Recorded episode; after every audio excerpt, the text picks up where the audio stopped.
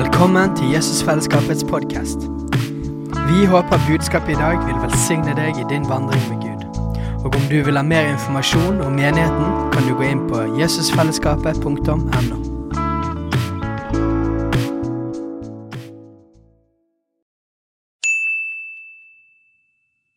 Hei! Visste du at Jesusfellesskapet starter en ny bibelskole til høsten? Den heter Jesusskolen og starter den 3. september. Gå inn på jesusskolen.no for mer informasjon. Hei, folkens. Um, jeg vil bare si først at eh, etter både menighetsviken Men jeg tenkte også spesielt på den jeg, jeg, jeg kjørte hjem i ett-tiden eh, natt til lørdag etter bønnenatt. Så bare kjente jeg sånn enorm takknemlighet av uh, å få lov til å tjene denne gjengen og være sammen med dere. Med en sånn gjeng i, i tilbedelse og i bønn. Og eh, bare kjente en sånn e- enorm glede og, og takknemlighet. Så og, og, tusen takk for at dere hengir dere til Jesus. Altså Jeg vet at han er glad for det, men jeg er òg glad for det. Eh, det er masse babyer.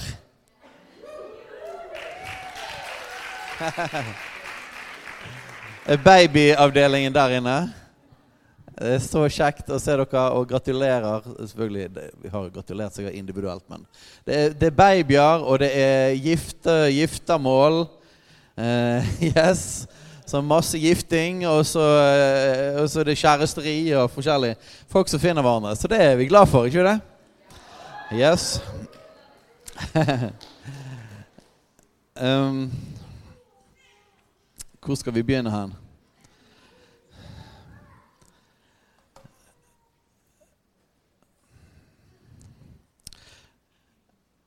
Jeg eh, for, for, to uker siden så forsynte jeg inn i noe som har berørt med jevne mellomrom, men opplever at det er utrolig viktig å løfte opp både hos oss, men òg i landet vårt.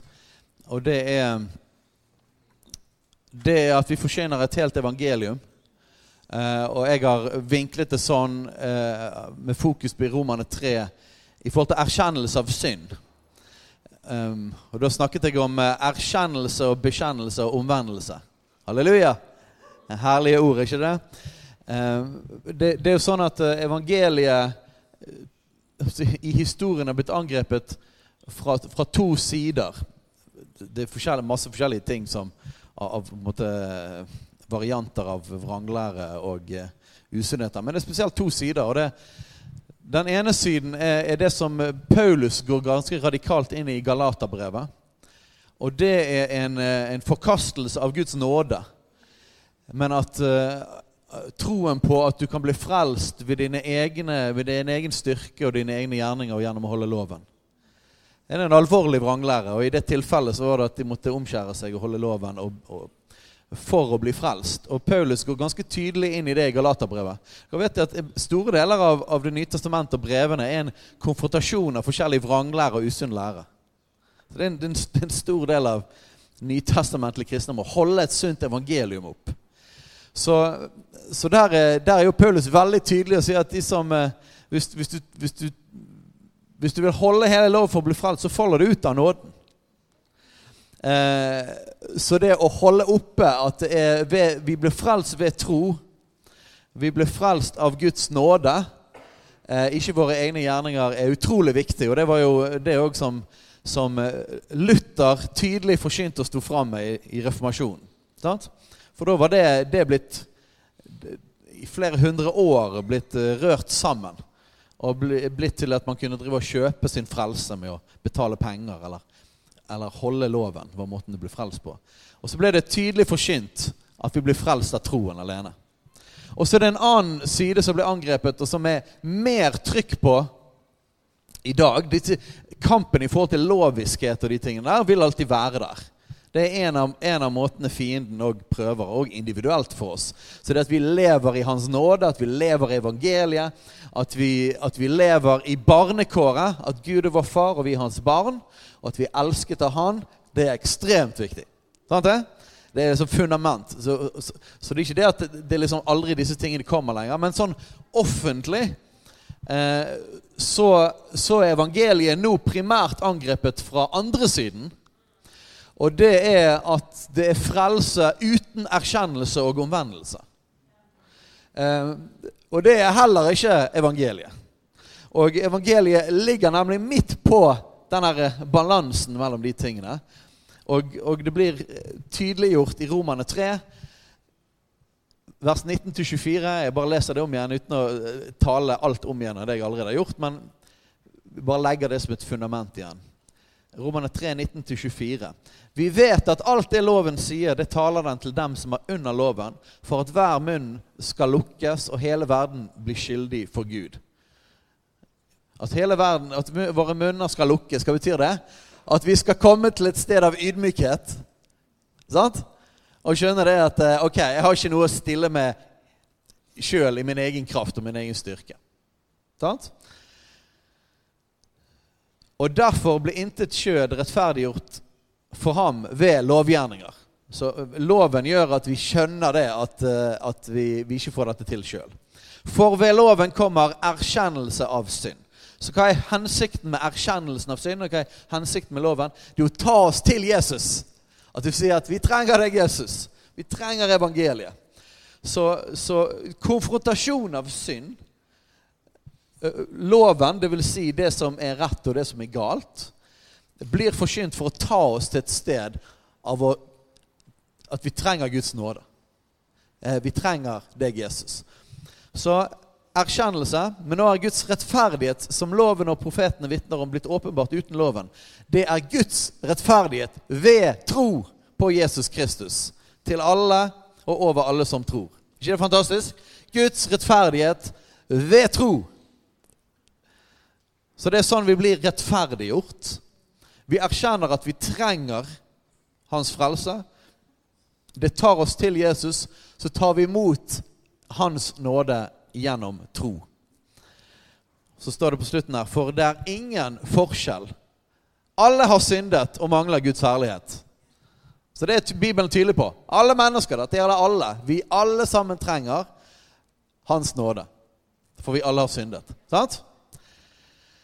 Og de blir rettferdiggjort for intet av Hans nåde ved forløsningen i Kristus Jesus. Så i disse versene så ligger hele den balansen. Det er ikke altså lovløshet, og det er heller ikke frelse ved gjerninger. Amen? Er vi med på det? Eh, og i det evangeliet, det evangeliets sentrum der ligger evangeliets kraft. Guds kraft til frelse. Og vi vil ikke forsyne evangeliet på en måte som gjør at det mister sin kraft. Enten på den ene eller andre siden. Amen? Og eh, Andre Korinterne 2,11. Der står det noe. Og det er litt sånn konteksten eh, sammen med det jeg allerede var inne i for, for forkynnelsen nå. Og der står det, Det er liksom midt eh, inni en setning der, men det står at for at vi ikke skal bli overlistet av Satan, for hva han har i sinne, det er vi ikke uvitende om. Så her er det altså her, her liksom legger Paulus til grunn da, at dette er ikke vi uvitende om. Eh, men, men eh, for hvis vi er uvitende, så kan vi bli overlistet. Lurt, altså. Sant?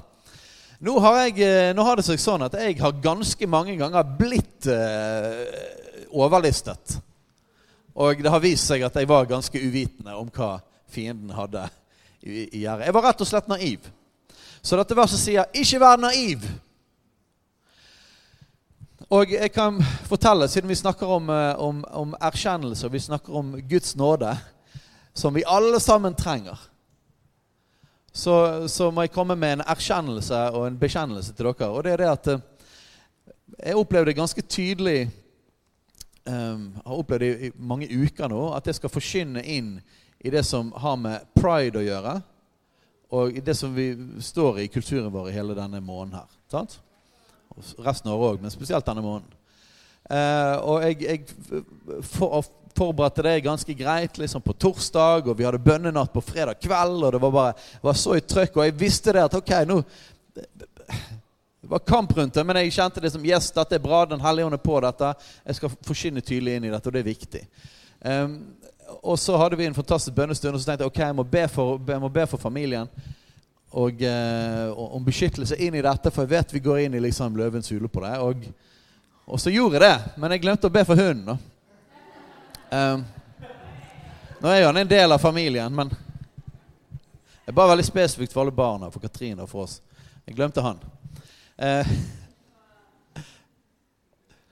og så eh, tenkte jeg at alt var fint, og så i går så Selv om jeg vet at Gud har vært på meg at jeg skal, at jeg skal faste og be en del denne måneden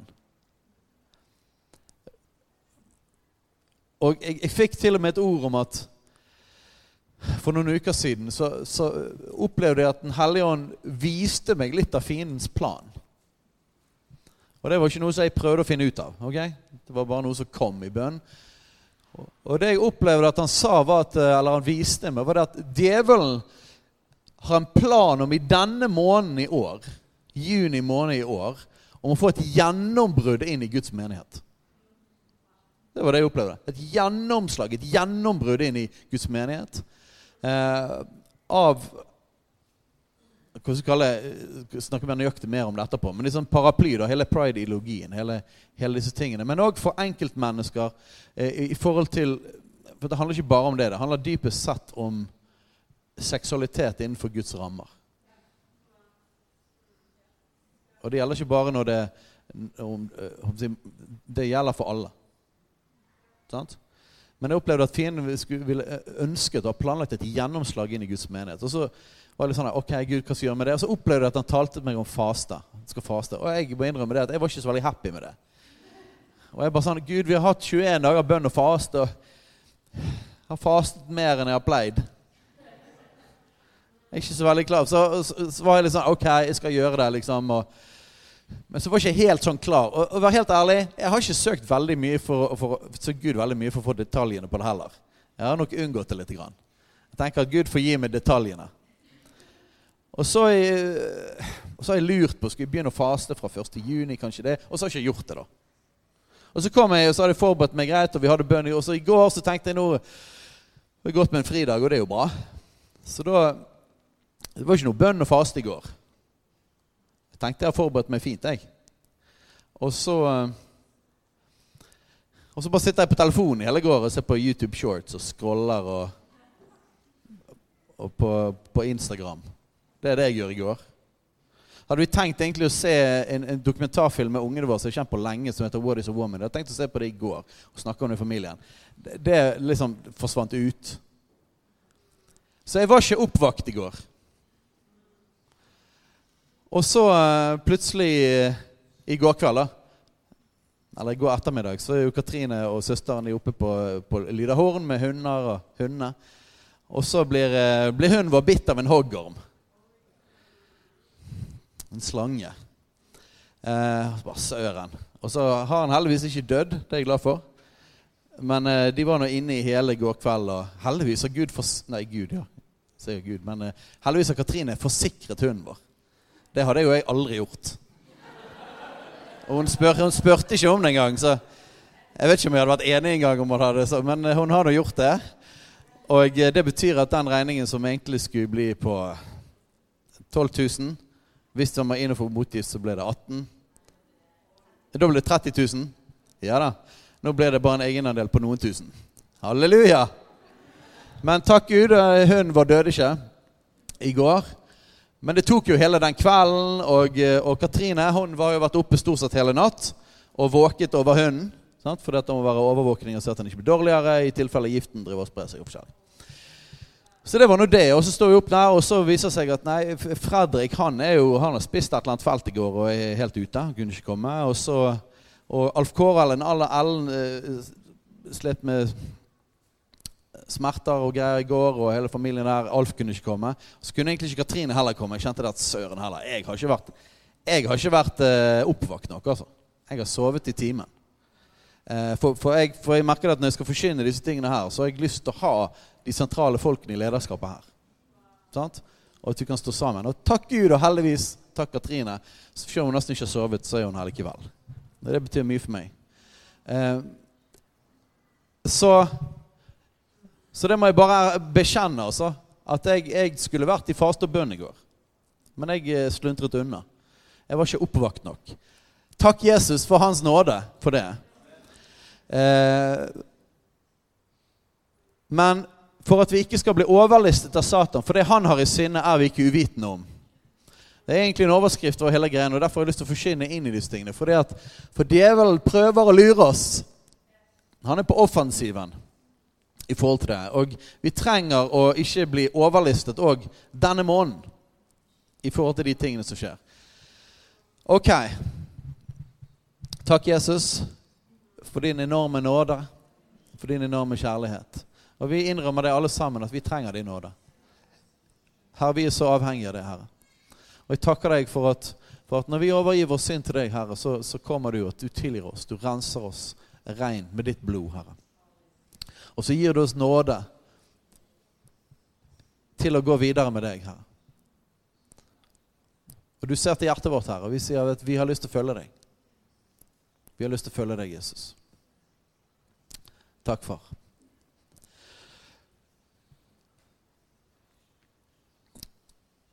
Spesielt siden slutten av 60-tallet, altså de, de tiårene som er gått der, så har, eh, så har, djevelen kommet med en enorm offensiv inn i kulturen vår.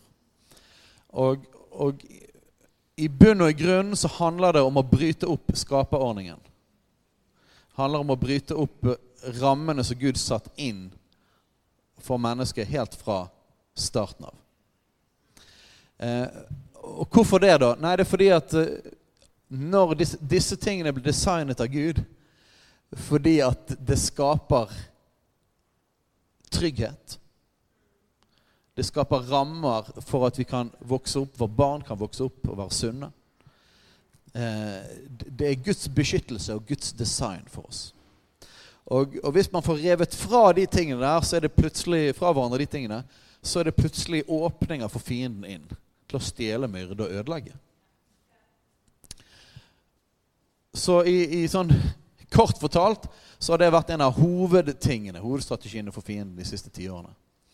Og, eh, og fienden er på ingen måte ferdig med det. Dette har egentlig bare akselerert de siste, siste 10-15 årene. Og eh, vi vet hva han har i sinnet. Han vil stjele, myrde og ødelegge. Han vil rive ned Guds design. Og på mange måter er det en, er det en kamp. Det er den, det er den samme situasjonen som vi var i, vi mennesker Adam og Eva, da, helt spesifikt. Når, eh, når, de sto på valget om å spise fra treet til kunnskap om godt og ondt eller ikke. For slangen, da, han som driver og biter hunder og, og var i, i, dette her treet Slangen, han eh, Han sa 'Har Gud virkelig sagt?' Så han stilte Han, han, han så det inn tvil om hva, hva Gud har sagt. Sant? Og så eh, Og så diskuterer han litt fram og tilbake der med Eva, og så så sa han at, at, sa Eva det at om vi spiser dette treet, så, så skal vi dø. Og så sier de vel nei, dere skal slett ikke dø. Men uh, Gud vet at uh, om dere spiser dette, så blir dere som Han. Så hva er det fienden gjør der? Så Nummer én, han sår tvil om hva Gud har sagt. Nummer to han, eh, han stiller spørsmål om Gud er god, eller om Gud, er, om Gud taler sant, og hva intensjonen hans er. Så djevelen sier nei, Gud løy til dere. Og eh, det kommer ikke til å skje noe negativt om du gjør imot det han sier. Nei, det, faktisk, det vil skje noe veldig bra. Fordi at Gud, Gud vil ikke at dere skal spise dette, fordi han vil holde noe bra fra dere. Dette er noe bra greier. Han vil holde det for seg sjøl. Han vil holde det fra dere, så Gud er ikke god. Og de spørsmålene er der fortsatt. Det er fortsatt akkurat samme strategien. Så tvil om Hans ord, og si det at intensjonen bak det Gud har sagt, at det er at han er ond. Nå kaller vi det at han vil ta vekk frihet, eller han ikke vil at vi skal oppleve kjærlighet. Så Djevelen sår tvil om intensjonen. Men vi tror da at Gud er god. Ikke vi det? Jeg tror faktisk ikke bare det at Gud er god, men at hvis Gud har skapt oss og hele verden, så er det jo han som definerer hva som er godt. Ikke det? Vi er skapningen, ikke skaperen.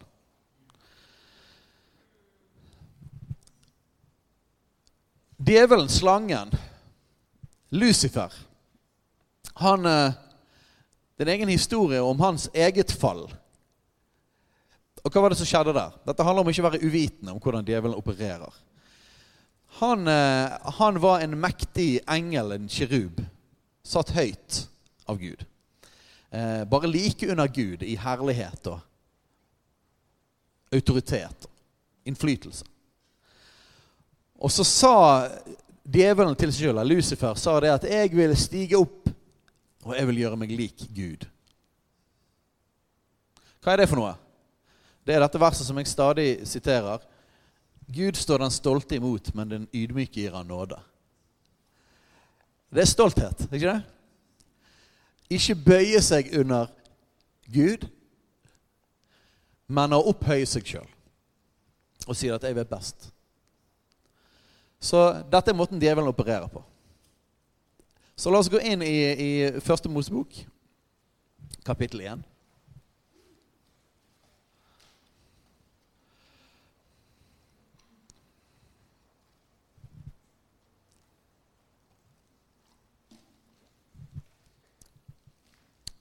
Vers 27 og 28. Og Gud skapte mennesket i sitt bilde. I Guds bilde skapte han det. Til mann og kvinne skapte han dem. Og Gud velsignet dem og sa til dem, vær fruktbare og bli mange på jorden, og fyll jorden, og legg den under dere, og råd over havets fisker og himmelens fugler, over alt levende som rører seg på jorden. Gud skapte mennesket i sitt bilde. Det betyr at vi har en eh, evig, ukrenkelig verdi. Sant?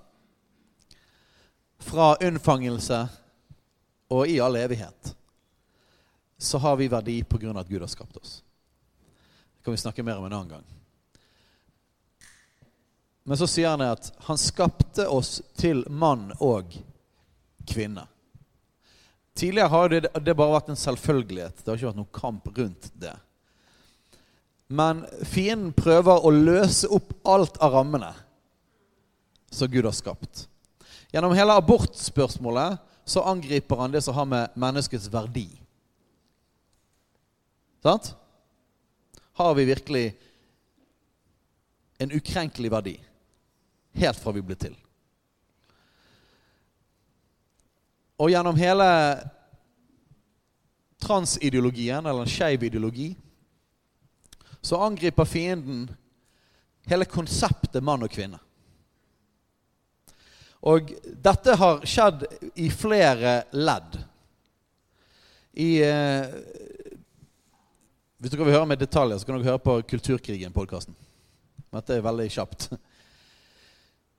Det skjedde først gjennom å angripe mann og kvinnens rolle. Ok? Eh, gjennom feminismen. Og, og jeg har ikke tid til å ta alle liksom eh, Si alle detaljer rundt det. Men det er klart det at eh, det, det kan godt være at det var ting i, i mann og kvinnens rolle i familien som var for trangt, f.eks. på 50-tallet. Men likevel, feminismen og den seksuelle revolusjonen endret forståelsen av mann og kvinnens, mann og kvinnens rolle. Og eh, istedenfor en enhet, mann og kvinne i enhet, så ble det sådd inn en strid mellom mann og kvinne. At det ble en kamp. Kjønnskamp kalles det. Sant? Så Gud ville enhet. Til mann og kvinne skapte han dem. Og så står det seinere at de skulle være ett. Så enheten mellom mann og kvinne ble angrepet gjennom kjønnskamp og gjennom feminismen. Og, og det at det er forskjell på mann og kvinners rolle. Og nok en gang, La oss ikke gå inn i alle detaljene rundt det. Eh, men du kan høre på noen episoder om feminismen på Kulturkingen hvis du lurer på detaljene. Men det var en av angrepene. Um, og det angrep, gjennom den seksuelle revolusjonen så angrep det ekteskapet som institusjon. Nemlig at sex ikke tilhørte bare ekteskapet, men at det var, eh, som hippiene sa, free love. Sant? Så, så gjennom å oppløse ekteskapet som ramme, så kom det en, og sammen med feminismen kom det en eksplosjon av, av, av skilsmisser. Fra 70-tallet og videre. Total revolusjon. Hva skjedde da? Det ble en oppløsning av familien som gjorde det at mange barn, og flere og flere barn, ikke vokste opp med både mamma og pappa. Så du ser det er en splittelse inn i rammen og konseptet av familie. Mann, kvinne og barn i en pakt om å leve sammen. Og at sex tilhører inni der. Så oppløsning av seksualmoral, samboerskap er en del av det. Samboerskap handler om at vi lever sammen, både seksuelt, men òg med livet vårt, uten å har gitt, gitt, hverandre, gitt oss til hverandre i en pakt. Så det er et angrep på ekteskapet. Eh, sex utenfor ekteskapet, eller på en måte vi kaller det one night stand-kultur, eller på en måte å ikke holde sex innenfor ekteskapet, er et angrep på hele familien som institusjon. Ekteskap og familien. Feminismen er en angrep på enheten mellom mann og kvinne. Og i alle disse tingene må det òg sies det har vært misbruk, og det har vært ting som har gått for langt. Dette, dette er ikke en tale om at vi skal gå tilbake til 50-tallet. Dette er en tale om å gå tilbake til Guds ord. Ok? Så, så, vi kan gå inn i alle disse tingene og si at ja, og, og kristne har gjort sånn, og kulturen vår gjort sånn i forhold til det, og, og, og har, har, vært urett for mange, mange, mennesker. Det er helt riktig.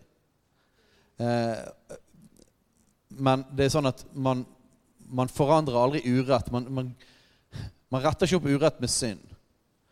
Synd fikser ikke synd. Ok? Men å komme tilbake til evangeliet og forkynne Guds rammer, det er der løsningen ligger. Uansett, det kom generasjon etter generasjon har vokst opp, og farløshet er blitt et gigantisk problem. Hvis du ser i fengslene våre, eller du ser på statistikken på ADHD f.eks., og ser du at omtrent alle er vokst opp uten far eller, en, eller med en fraværende far. Hvis du går til fengsel, så gjelder det omtrent alle. I tillegg så er det ufattelig tøft, for da, eh, kvinner har en enorm, et enormt instinkt til å ta vare på barna. Som gjør at mye, mye oftere tar kvinnen vare på barna enn en mannen da, som. Som gjør det at, at de gjør det beste de kan, men blir utrolig slitne. Og kan ikke fylle rollen av både mann og kvinne. Og så kommer etter hvert eh, det som i begynnelsen heter LHB-bevegelsen. Eh, og begynnelsen av pride-bevegelsen. Hele, hele, det som gjorde det første pride-toget, var jo at det var helt systematisk undertrykkelse av folk. For det var lover òg at, at homofil praksis, eller sex med samme kjønn, var ulovlig i alle vestlige land. Eh, og så var det òg en del eh, eh, at politiet rett og slett plaget en del folk. Og så var det en, en, en, en bar i New York der det ble opptøyer. Og forståelig nok opptøyer. For dette var en, det var en, en, systematisk undertrykkelse av folkene som valgte å leve i disse tingene likevel. Selv om det var ulovlig.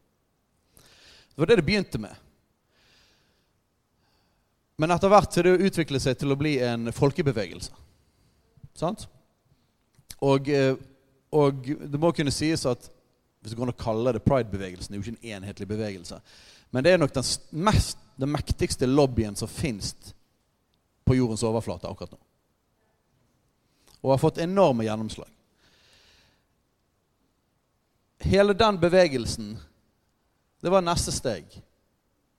For det begynte å løse opp først det som har med seksuell kobling mellom folk av samme kjønn. At det ikke er altså sex og familie er en mann og en kvinne og barn. Men at det kan være en mann og en mann og barn, eller en kvinne og en kvinne og barn. samme strategi. ser dere? Det er oppløsning av Guds rammer. Litt videre så kommer hele hva vi skal kalle skeiv ideologi, eller transideologi, som egentlig står i motsetning til en del av i LHB-bevegelsen. For LHB-bevegelsen forutsetter at det fins menn og kvinner. Men at menn og kvinner At du kan koble en mann og en mann og en dame og en dame. Sant? Så med transbevegelsen, eller queer theory, tar dette enda et steg lenger og oppløser kjønn fullstendig.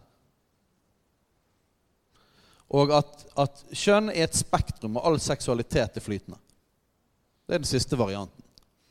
Eh, og Hvis du går inn på Foreningen FRI sine sider, så ser du at de helt eksplisitt står for denne ideologien. Det fins altså ingen kjønn, og det fins ingen rammer for seksualiteten i det hele tatt. Så det er det nyeste. Og dette er nå i alle norske lærebøker. Så alle, norske, alle barneskoler, ungdomsskoler og videregående i Norge underviser dette. Transideologi. Alt dette her handler om en oppløsning av Guds rammer. Sant? Sånn at djevelen kan komme inn og stjele, myrde og ødelegge. Gud skapte mennesket i sitt bilde. I Guds bilde skapte han det. Til mann og kvinne skapte han dem. Og Gud velsignet dem og sa til dem, vær fruktbare og bli mange og fyll jorden. Så det vil si at det er to typer mennesker, begge skapt i Guds bilde, med samme ukrenkelige verdi. De heter menn og kvinner. To typer mennesker. Eh, fullstendig utrolig lett å skille. Veldig lett å skille. Du ser det på kromosonene. Sant? Du kan finne ut om, eller, om det er mann eller kvinne, kan du finne ut mange tusen år etter. Ved å bare gå inn i beina, og så kan du finne det. Kjempeenkelt. Eh, ja, trenger ikke si noe mer om det. Men det er, det er, blitt ufattelig vanskelig. I, det, det er ikke så mye av dette i Norge, men i USA så er det sånn at, eh, at eh, mange offentlige personer nå har blitt spurt nå hva er en kvinne. Og det korrekte nå er at du kan ikke svare på det. Uh, og du skal si 'den som definerer seg som det', er det. Så man skal ikke kunne svare på det. Men dette er egentlig veldig simpelt. Det er biologisk bestemt om du er mann eller kvinne, og det fins kun to typer. Og så står det at han velsignet de og sa at de skulle være fruktbare og bli mange. Så fruktbarheten finnes kun gjennom en mann og en kvinne.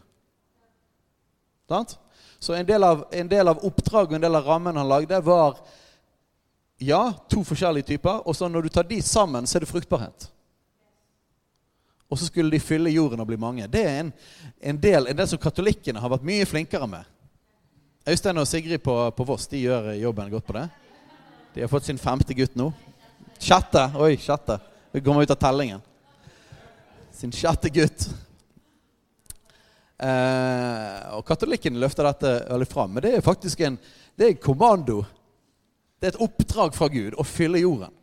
Å få barn. Gjennomsnittlig får kristne flere barn enn andre.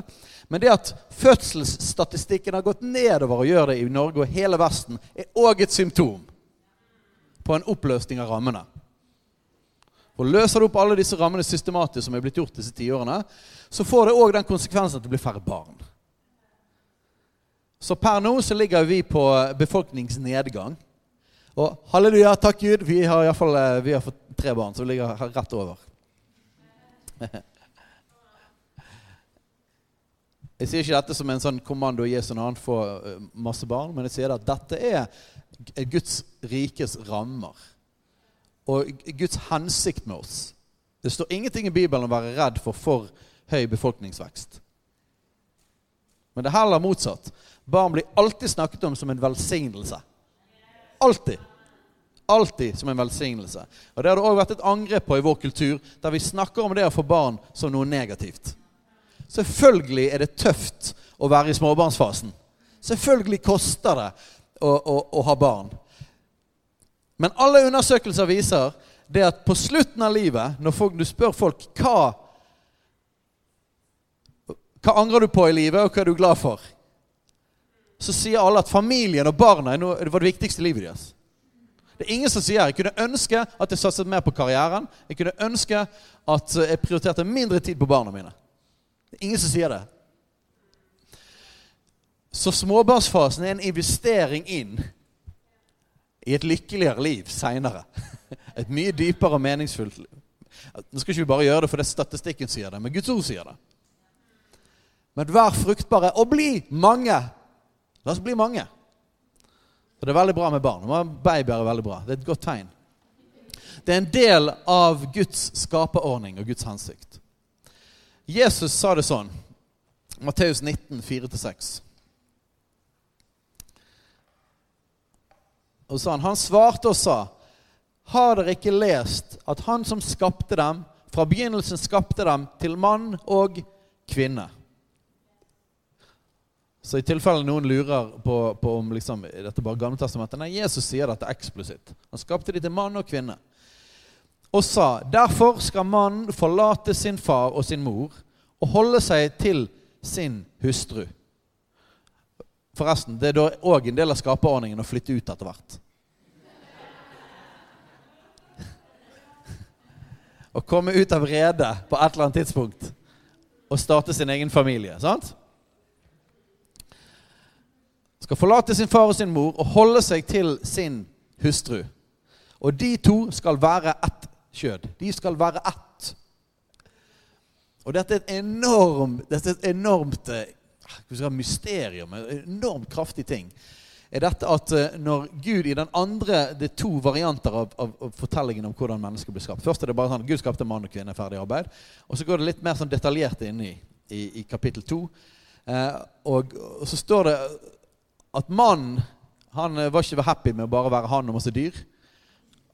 Og så står det at eh, det er ikke godt for mannen å være aleine. Og det er fortsatt sant. Det er ikke godt for mannen å være aleine. Mannen blir Nei, vi skal ikke gå for langt i det. vi, men vi kan, få nåde, vi kan få nåde til det. Paulus argumenterer for at det fins noen fordeler. Eh, da kan man liksom bare tenke på bare Guds rike, og ikke det som hører verden til. Men, eh, men eh, i andre står det at det er ikke godt for mannen å være alene. Og så er det sånn at Gud tar ut en del av Adam, et ribbein, og så former han en kvinne av det ribbeinet. Og da blir Adam happy og sier at 'Yes, dette er bra. Det er ben av mine ben'. Han kjenner igjen her, Det er to stykker som det står i det andre verset, med samme gudlikheten. Samme skapt i Guds bilde. Så han kjente det igjen. Så det var forskjellig, men de var, de, det var noe likt òg. Og så står det at man skal forlate sin far og sin mor, og så skal de bli ett. Er ikke det fantastisk at Gud skilte mennesket, delte de i to. Og lagde en mann og en kvinne. Og i det så skapte han en gjensidig tiltrekning til hverandre. Med at vi, vi må være sammen som en magnetisk kraft, og så bli ett igjen. Ikke det fantastisk? Så det er, en, det er en dyp greie, dette med mann og kvinne. To forskjellige vesener skapt i Guds bilde, men skapt til å være sammen og å være én en enhet. Og det er i den enheten man, frukten er barn og familie. Og hadde det ikke vært for mann, kvinne, som i konteksten av pakt med hverandre har sex, så blir damen gravid, og så får barn, og så blir det en kjernefamilie Og så etter hvert blir de store, og så forlater de sin far og sin mor. Og så skaper de Hadde det ikke vært for hele det konseptet der, så hadde det jo ikke fantes en menneskehet. Dette er ganske sånn fundamentalt for hele eksistensen vår. At det ikke liksom bare teologi. Dette er hele menneskets historie. Det er hele grunnlaget for at vi fins her. Sant? Mor, far og barn. I Romane 1 så står det om en slags historie. Det, det er en slags gjennomgang av noe av prosessen som har vært historien.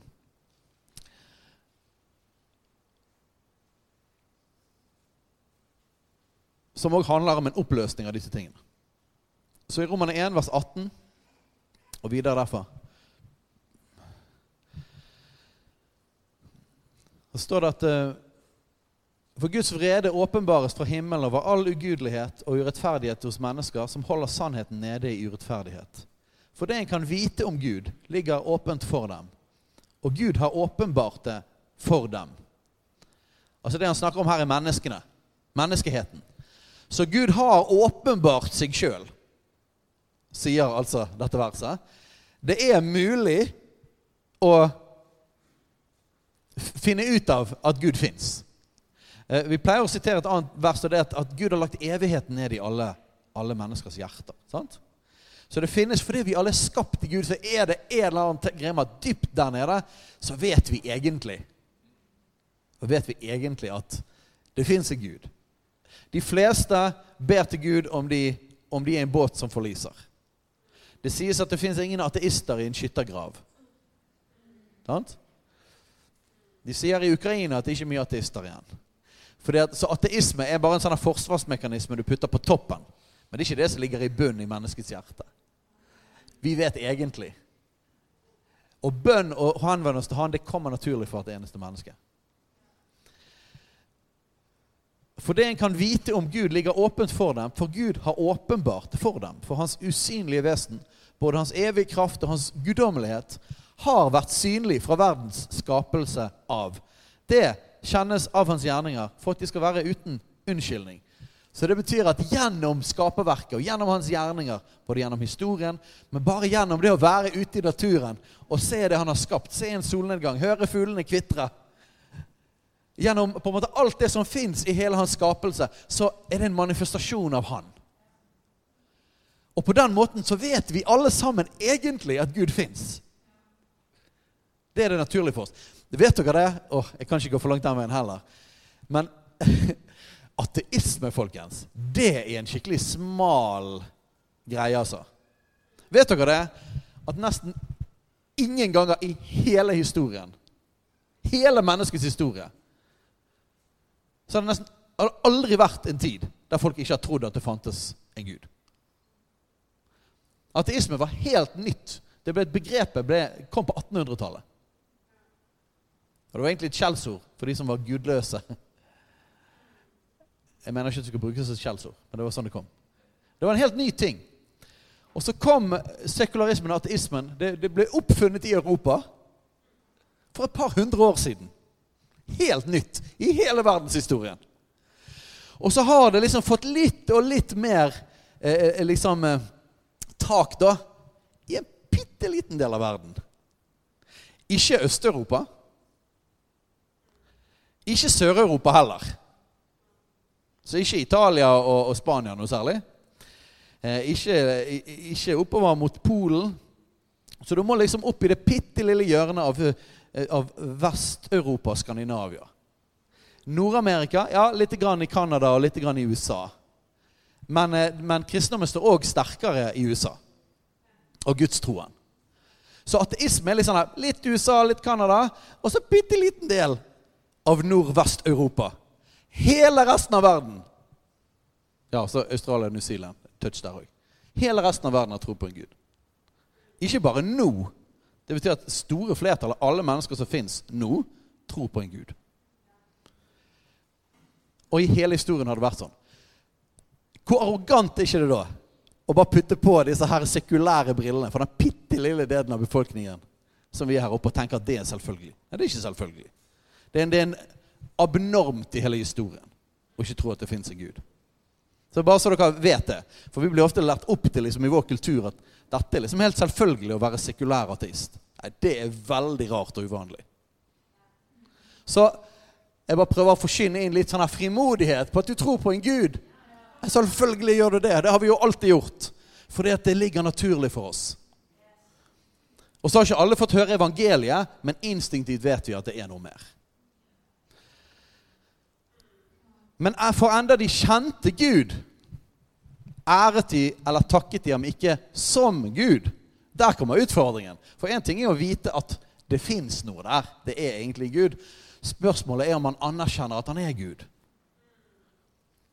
I stedet ble de tomme i sine tanker, og deres uforstandige hjerter ble formørket. Så dette er jo menneskeheten. sant? Så vi valgte å ikke ære Gud som Gud, men i stedet vende oss vekk. Dette er jo basically syndefallet og prosessen videre. Vi tomme i tanker, uforstandige hjerter ble formørket. Men de ga seg ut for å være vise, men de ble dårer. Og ingen har vært mer skyldig i dette enn europeere.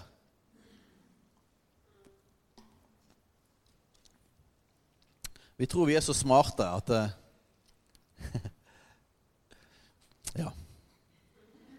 At vi har ikke godt av det, for å si det sånn. Vi tror vi er så smarte at vi tror vi er Gud. Det er det som er greien. At, at vi til og med kan omdefinere de mest grunnleggende selvfølgelige ting. Mens de ga seg ut for å være vise, ble de dårer. Og de byttet ut, ut bort den uforgjengelige Guds herlighet mot et bilde. En avbildning av et forgjengelig menneske, av fugler og av firbente dyr og krypdyr. Så dette er jo avgudsdyrkelse. Derfor overgav også Gud dem i deres hjerters lyster til urenhet, til å vanære sine legemer imellom. De byttet bort Guds sannhet mot løgnen og æret og dyrket skapningen fremfor skaperen, han som er lovprist i evighet. Så hva var det som skjedde? Fordi at vi ikke anerkjente at Gud er Gud. Fordi at man gikk samme vei som Lucifer, nemlig å opphøye seg sjøl. Tilbe oss sjøl, eller tilbe skapelsen, ikke skaperen. Så fordi at vi som menneskehet valgte det, så overlot etter hvert Gud oss til vår, vårt eget valg. Og fikk smake konsekvensene av vårt eget valg. Vi dyrker altså skapningen framfor skaperen.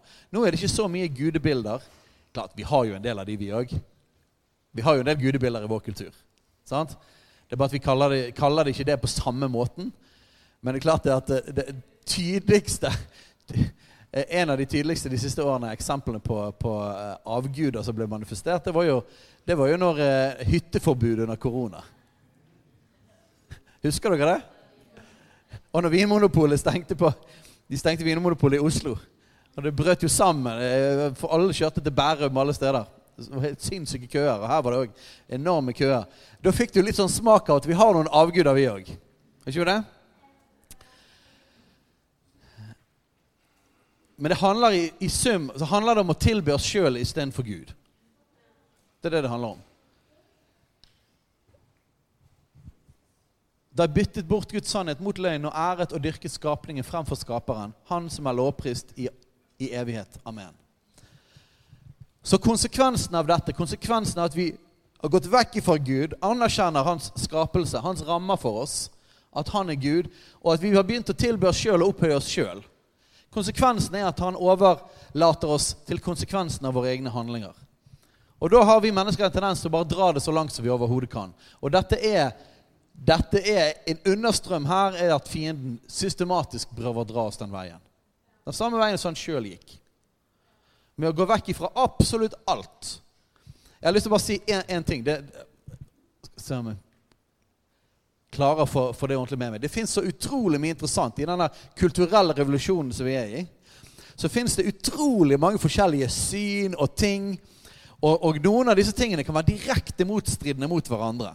Men det finnes én ting som er konsekvent hele tiden. Jeg vil at dere skal ikke være uvitende, så legg merke til dette. Du kan godt være både for eh, Være kjempepositiv til islam, f.eks. Og så kan du òg være superpositiv til, eh, til pride. Det funker jo ikke. Sant? Og det fins masse sånne motsetninger. Hva er den ene tingen som er, som, er, som er, konsekvent? Det er alltid mot Gud. Det er det som er konsekvent. Det er alltid imot evangeliet. Uansett. Det er konsekvent imot evangeliet. Og det er det man forenes i. En nedbryting av Guds rammer og mot evangeliet. Nå skal ikke vi være sutre for det. Dette har jo Jesus allerede sagt. Sant? Og vi har sluppet unna så enkelt i, i, i, vårt land, og alle løftene i Guds ord om forfølgelse. Vi har hatt det fryktelig fryktelig enkelt fordi det har vært, vært en sterk kristen kultur.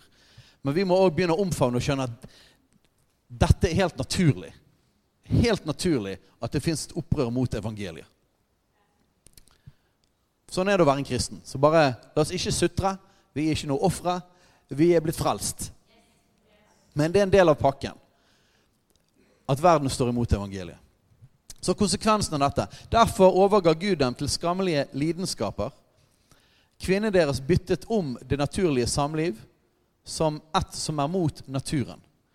På samme vis forlot også mennene den naturlige omgang med kvinnen og brant i sitt begjær etter hverandre. Menn drev skammelig utukt med menn og fikk på sin egen kropp den straffen som var uunngåelig pga. deres forvillelse. Akkurat disse versene her eh, Jeg vet ikke om det er ulovlig å si og forkynne per nå, eh, men, men, det var en rettssak i Finland med en finsk politiker der hun ble, ble anmeldt pga. dette og har vært i, i, i, rettsrunder på det. Først ble hun dømt, så ble hun frikjent, så blir det enda en ny rettsrunde. Eh, om hun kan bli dømt for å ha postet et bilde av disse versene på Facebook. Eh, så dette, her, eh, dette er en kamp som blir utkjempet de neste årene om dette verset her kommer til å bli ulovlig å forkynne eller ikke.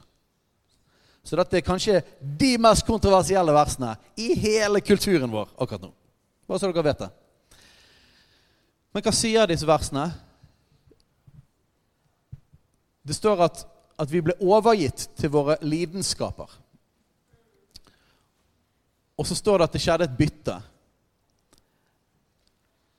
Og En interessant ting er det at det står om 'brenne i begjær'. Det betyr at Bibelen anerkjenner at det finnes at det kan finnes tiltrekning. Sant?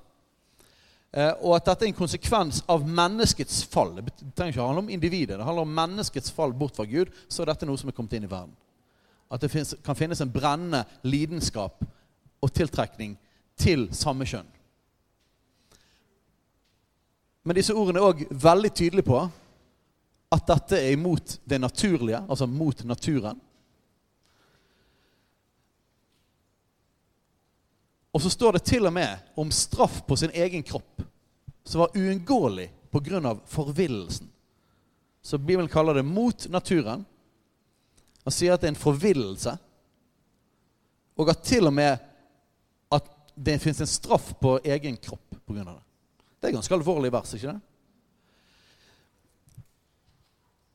Og så står det videre Et, og ettersom de ikke brydde seg om å eie Gud i kunnskap, overga Gud dem til et udugelig sinn, så de gjør slikt som ikke sømmer seg. Her står det masse andre ting. De er fulle av all slags urett, umoral, griskhet, ondskap, fulle av misunnelse, mordlyst og strid, svik og falskhet. De blir ryktemakere, baktalere, gudshatere, voldsmenn, overmodige, storskrytere, oppfinnsomme til ondt, ulydige mot foreldre Den biten der som har med foreldre å gjøre, og ære din far og din mor, som òg er under sterkt angrep i vår kultur. Og, og, og eh, mangel på respekt for autoriteter. som er kjempe, Det er en del av hele samme, hele samme bilde. Men her ble det nevnt i en liste altså av ganske alvorlige ting. Ulydige mot foreldre. Uforstandige, upålitelige. Forresten, baktalelse sto der òg. Uten naturlig kjærlighet, ubarmhjertige. Så her er det nok for enhver av oss, ikke det? Og Ved loven kommer erkjennelse av synd. Hva er hensikten med disse tingene? Det er å ta oss til sted av å innrømme 'Jesus, jeg trenger deg'. Jeg trenger din nåde. Det er hensikten med disse listene. Det står flere sånne lister i Det nye testamentet. Hensikten er å ta oss til Jesus. Hensikten er å konfrontere noe i hjertet vårt der vi står på valg om vi vil forherde oss for Gud eller ydmyke oss for Gud. Det er hensikten. Kjære menighet. La oss bøye oss for Gud. La oss ikke reise oss opp i stolthet mot Han. Og For enhver av oss kan det være forskjellige ting vi kjemper med, av tingene som sto i den listen, og andre lister. Og Da er spørsmålet vil vi gå til Jesus, bøyer vi våre knær for han og sier 'Jeg gir deg dette'. Akkurat som vi i lovsangen og Katrin ledes oss sin bønn. 'Jeg gir deg hele meg, alt jeg er'. Jeg gir deg hele denne pakken. Jesus, jeg erkjenner det. Jeg vil ikke leve i det. Jeg vil vende om. Om det er sånn at jeg lever i det, så vender jeg om fra det. Og jeg vil følge deg, Jesus. med hele mitt liv. Og om jeg faller i disse tingene, så vil jeg bekjenne det for deg. Jeg vil vende om og jeg vil fortsette å vandre med deg. Er ikke det hensikten? Jeg skal avslutte straks her. Men på slutten her så står det De kjenner godt til Guds rettferdige dom, altså menneskeheten. Dette er jo interessant. Bibelen her påstår at dette ligger instinktivt i oss. At vi egentlig vet. Dette er altså menneskeheten. Vi vet egentlig disse tingene. De kjenner godt til Guds rettferdige dom, at de som gjør slikt, fortjener døden. Syndens lønn er døden. sant? Likevel gjør de ikke bare slikt selv, men de holder også med dem som gjør det. Så det er den siste utfordringen jeg har lyst til å gi til oss. Bibelen utfordrer ikke bare oss, våre hjerter og våre liv. Men det taler òg til å holde med de som gjør det. Jeg skal fortelle en historie på slutten. For et par år siden så var vi på eh, ferie. Vi var oppe på Lofnes. Gammel hytteferiehus der. Og jeg eh, var ikke noe spesielt i bønn eller noe som helst. Jeg bare sov. Og så våknet jeg opp av at Den hellige ånd sa 'pergamum'.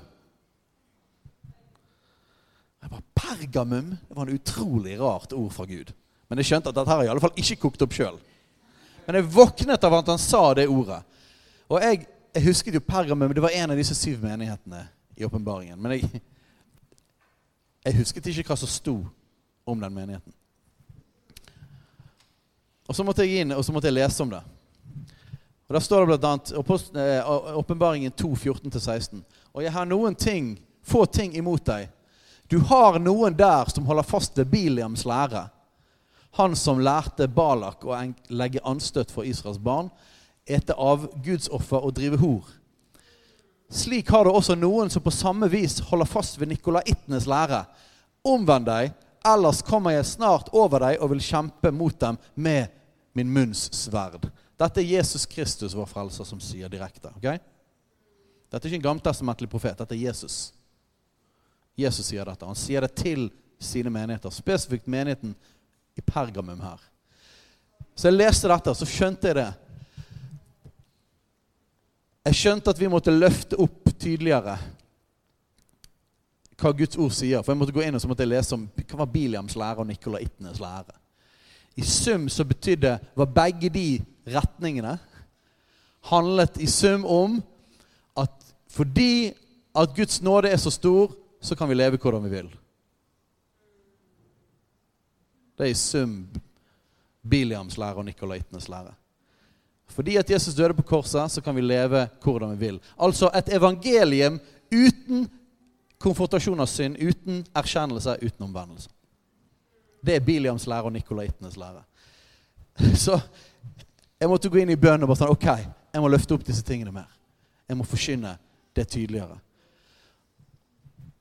Og så syns jeg som, som, menighetsleder så var det ekstra konfronterende for meg at det Jesus hadde imot i menigheten, at du har noen der som holder fast ved disse tingene.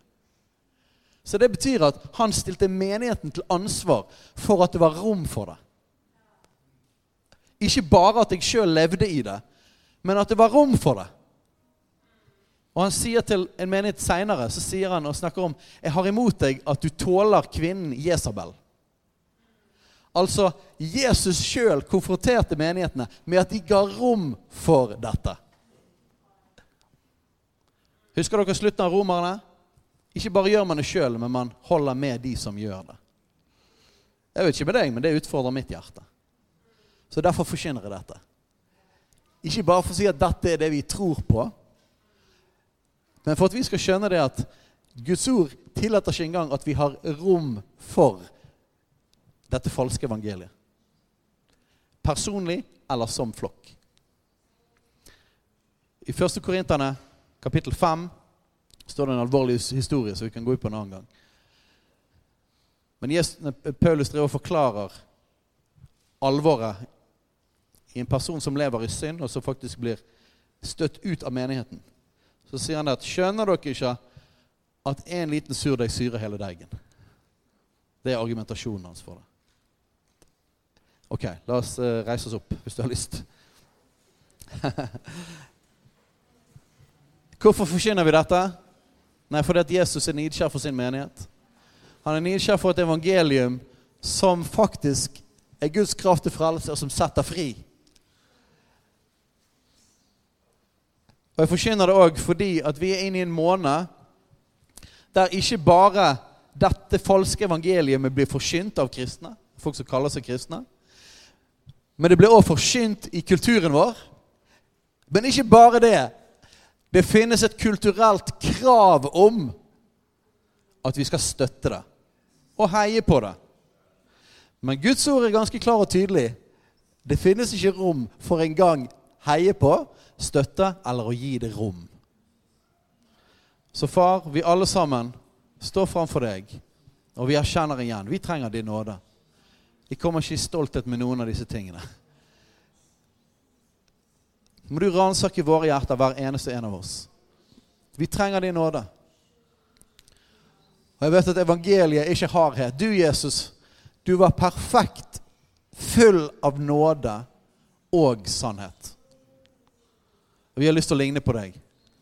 Og far, de gangene vi har kompromisset på nåden, Herre, der vi har vært harde Herre, tilgi oss for det. Vi personlig, denne menigheten her, din menighet generelt, når vi har vært harde og ikke representert deg i din nåde, så ber vi, Herre, om at du skal hjelpe oss. Rens våre hjerter. La oss representere deg fullt i din nåde. Og de gangene vi har kompromisset og ikke representert deg i sannhet, og sannheten. Fordi vi har vært redde. Og det er den som er mest utfordrende i forhold til å bli upopulær. Her så ber vi om tilgivelse for det her. Rens våre hjerter.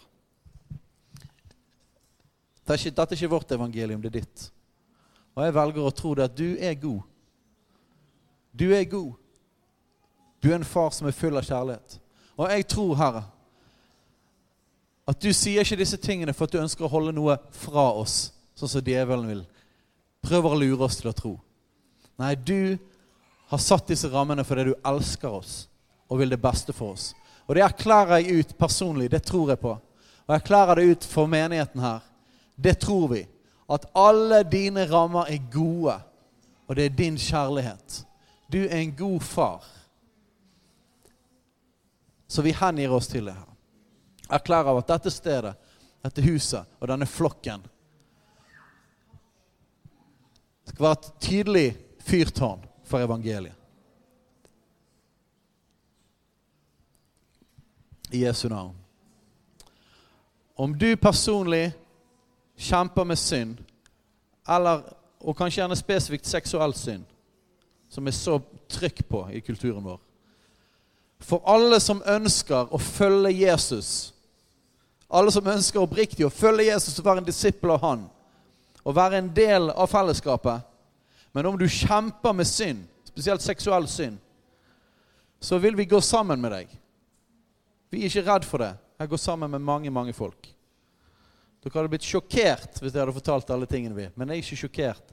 Vi er ikke redd for det. Det det handler om, er hjertet. Hvis du vil følge Jesus, så vil vi gå sammen med deg. Og de hos oss som måtte kjempe med tiltrekning til samme kjønn eller forvirring rundt kjønnsidentitet. Vi vil gå sammen med deg om du ønsker å følge Jesus. Om du lever i og har sex utenfor ekteskapet, men du ønsker å følge Jesus, så vil vi gå sammen med deg og hjelpe deg ut av det. Om det skulle være utroskap, eller det er porno, eller hva som helst andre seksuelle ting utenfor rammen av ekteskapet, så vil vi gå sammen med deg hvis du ønsker å følge Jesus. Sant? Vi vil være et fellesskap der Guds nåde og evangeliet kan forandre menneskers hjerter, og der vi går sammen med hverandre. Men, men evangeliet setter en tydelig, klar, tydelig strek. Det forutsetter at vi har en erkjennelse og ønsker å følge den. Det som det som Bibelen ikke aksepterer i det hele tatt, det er at det som Bibelen kaller å leve i synd. som er det at nei, jeg vil leve dette. Der er Bibelen veldig tydelig på at det kan vi ikke ha rom for hos oss. For den surdeigen, den syrer hele deigen. Og da handler det om etterfølgelsen av Jesus. Så far, jeg ber om hjelp og nåde for hver eneste en av oss. Så at vi kan vandre hellig. Vandre til behag for deg. Uansett hva det måtte være som vi kjemper med. Og jeg ber om en beskyttelse òg i denne måneden her. Jeg ber om beskyttelse, Herre, for, for enorme, det enorme trøkket og innflytelsen som ønsker å sprenge rammene. Jeg erklærer det at vi tror på at du har skapt mann og kvinne, og du har skapt ekteskap og kjernefamilien.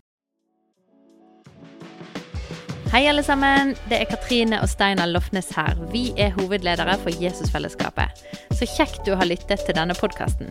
Har du forresten hørt noen av de andre podkastene våre? Ukens tale, Disippelskolen, Hyrdepodden, Kulturkrigen og Mammas hjerte.